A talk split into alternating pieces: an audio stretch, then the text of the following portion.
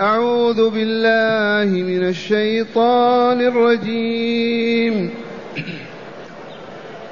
وقالوا لولا أنزل عليه آية من ربه.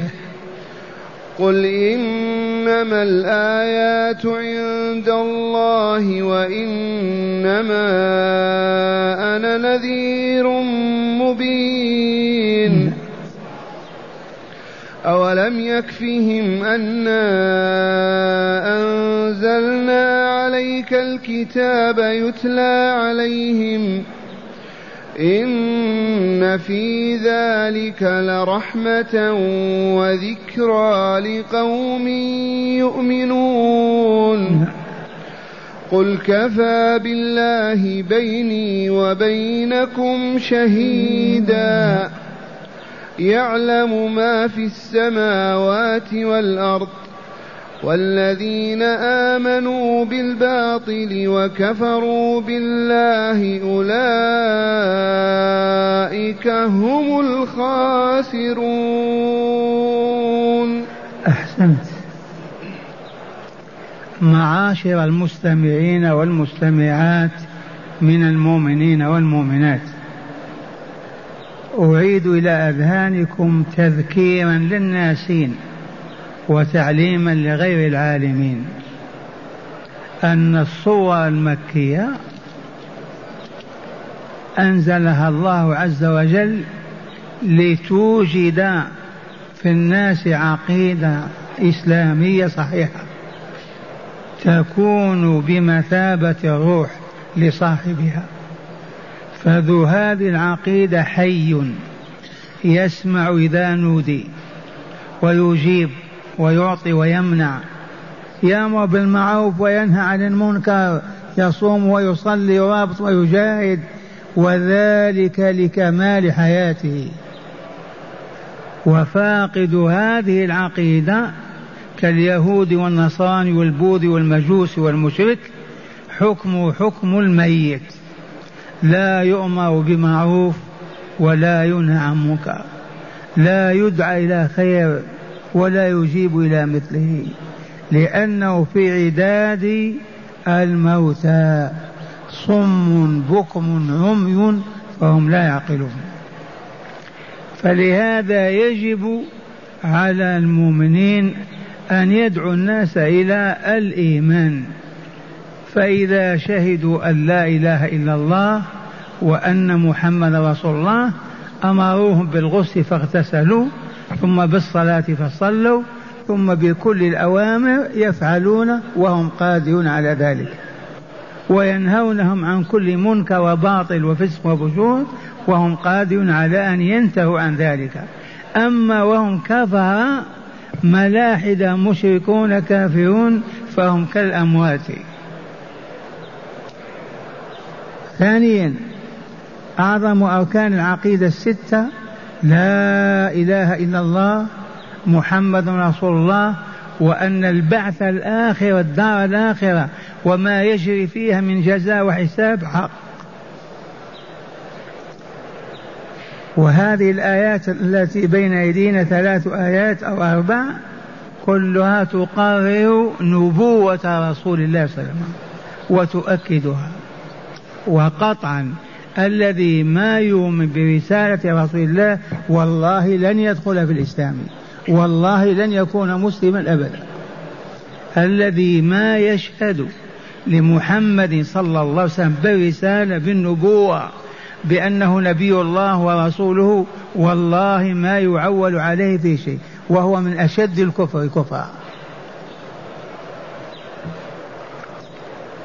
ولعظم هذا المبدأ الإيمان بأن محمد رسول الله نزلت مئات الآيات أو آلاف الآيات. ومعنى هذه الآيات فهيا نصغي نسمع ما تقول. قال تعالى وقالوا من هم؟ المشركون المكذبون الكافرون في قريش وفي غيرها من العرب وغيرهم. قالوا ماذا قالوا؟ لولا أنزل عليه آية من ربه. لو كان رسولا كما يدعي ويزعم لما ما أنزل عليه الله آية كعصا موسى أو كناقة صالح أو كمائدة الحواريين أو كإحياء موسى عيسى الموتى.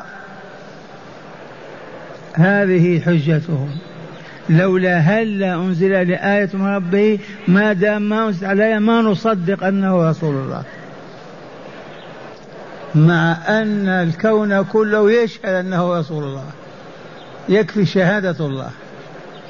لكن هروب من الواقع خروج من الحق للاستماع على الباطل تعللوا بهذه العلة فأبطلها الله بأربع أدلة.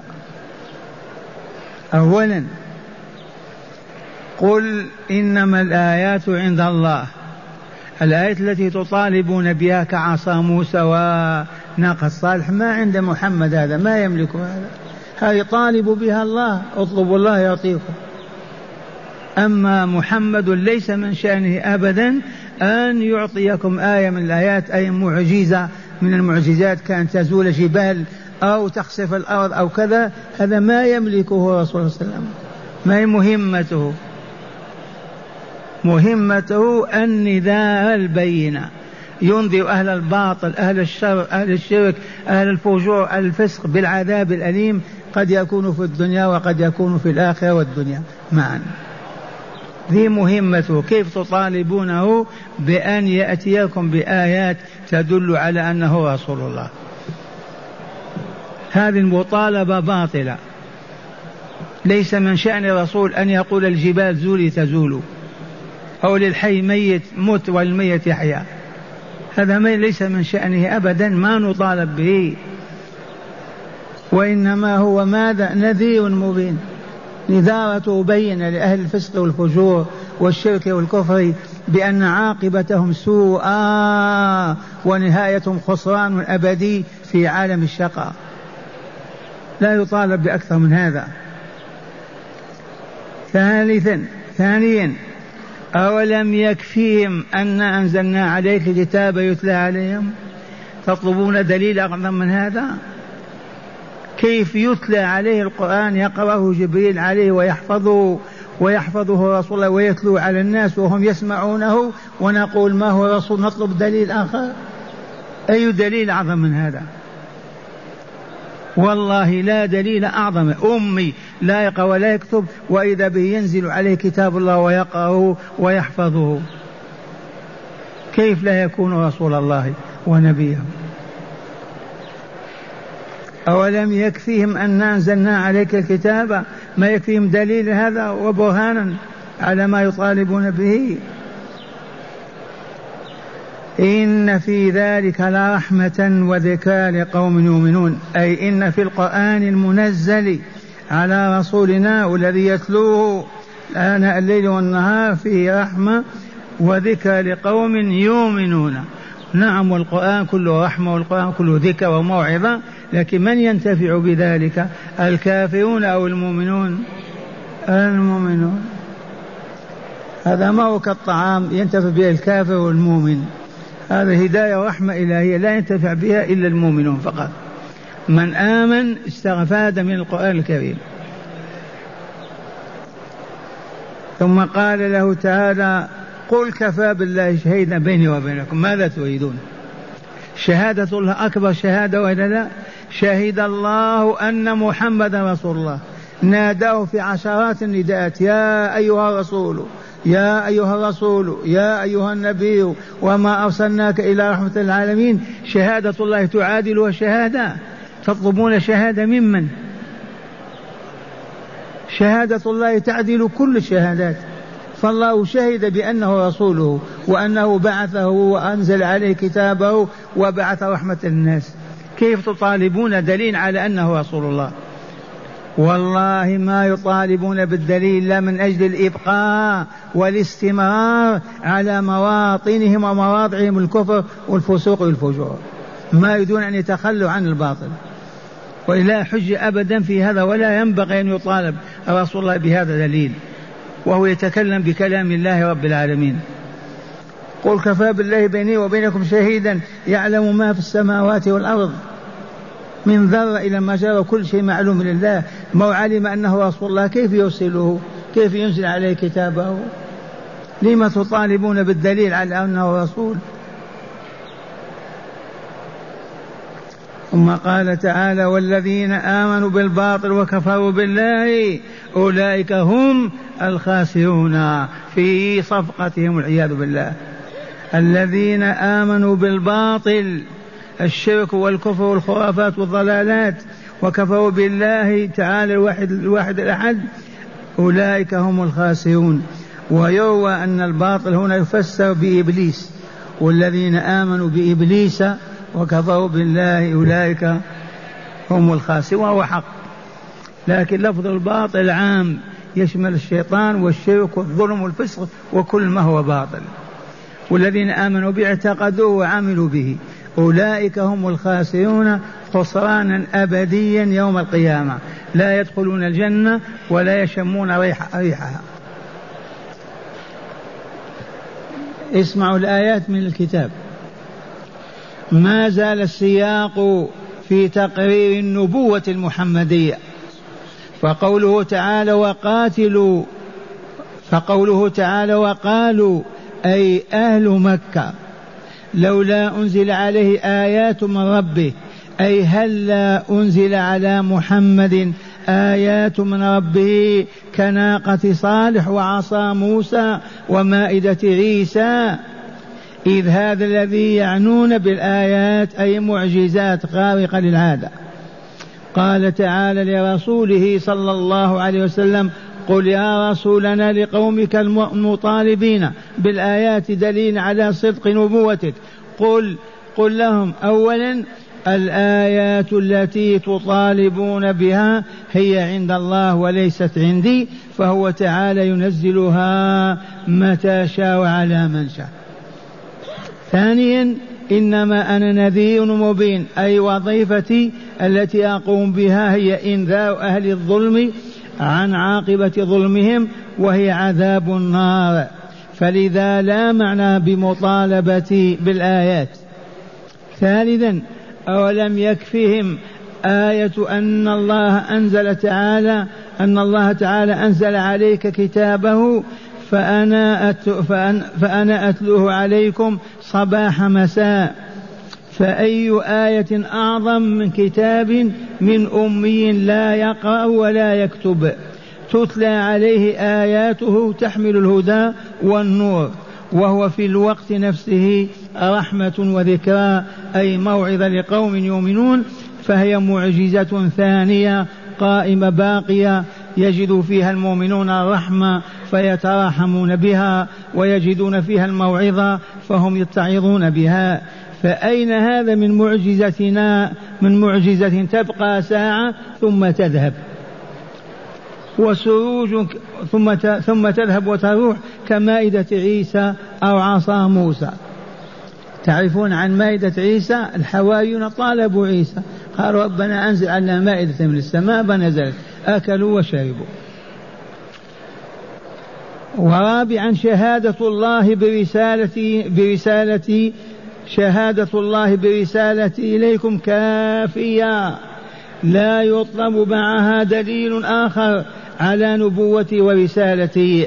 فقد قال لي ربي قل كفى بالله بيني وبينكم شهيدا. رب الذي يعلم ما في السماوات والأرض من كل غيب ومن كل ومن ذلك علمه بأني رسوله فشهد لي بذلك بإنزاله علي هذا الكتاب. وأخيرا وبعد هذا البيان يقول تعالى والذين آمنوا بالباطل وهو تأليه المخلوقات من دون الله وكفروا بأولياء بألوهية الله الحق أولئك البعداء أولئك البعداء في الفساد العقلي وسوء الفهم هم الخاسرون في صفقتهم حين اشتروا الكفر بالإيمان واستبدلوا الضلالة بالهدى. هذا ما دلت عليه الآيات ومع هداية الآيات. من هداية هذه الآيات أولا تقرير النبوة المحمدية بالأدلة القاطعة التي لا ترد وهي أربع كما, كما علمتم. هداية هذه الآيات الثلاث هي تقرير النبوة المحمدية وأنها نبوة قطعية وأدلت على ذلك بأربع أدلة. نعم. ثانيا بيان أكبر معجزة لإثبات النبوة لرسول الله صلى الله عليه وسلم وهي نزول نزول القرآن الكريم عليه. وفي ذلك قال عليه الصلاة والسلام كما في البخاري ما من نبي إلا أوتي ما على مثله آمن البشر وكان الذي أوتيته وحيا أوحاه الله إلي فأنا أرجو أن أكون أكثرهم تابعا يوم القيامة. من هداية هذه الآيات أن نزول القرآن على رسولنا صلى الله عليه وسلم. من اقرأ باسم ربك إلى نهايته في ظرف 23 سنة يحمل الهدى والنور يحمل الأحكام والقوانين والشرائع والقصص والأخبار. العجب ما فيه دليل على نبوة رسول أعظم من هذا الدليل أبدا. إذ مستحيل أن يكون غير رسول الله وينزل الله عليه كتابه. ولهذا يقول صلى الله عليه وسلم ما من نبي إلا أوتي على مثله آمن الناس.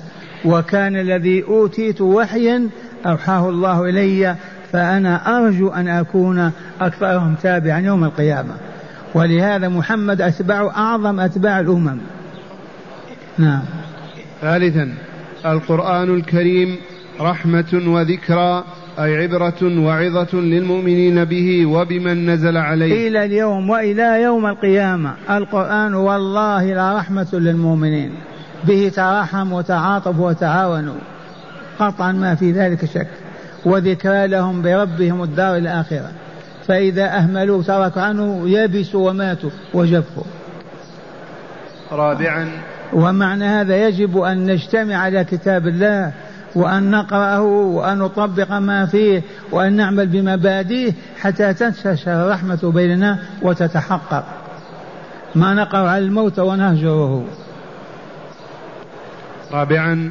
تقرير خسران المشركين في الدارين لاستبدالهم الباطل بالحق والعياذ بالله تعالى. وهذه حقيقة كل من استبدل الحق بالباطل في أي ميدان فهو خاسر مطلقا.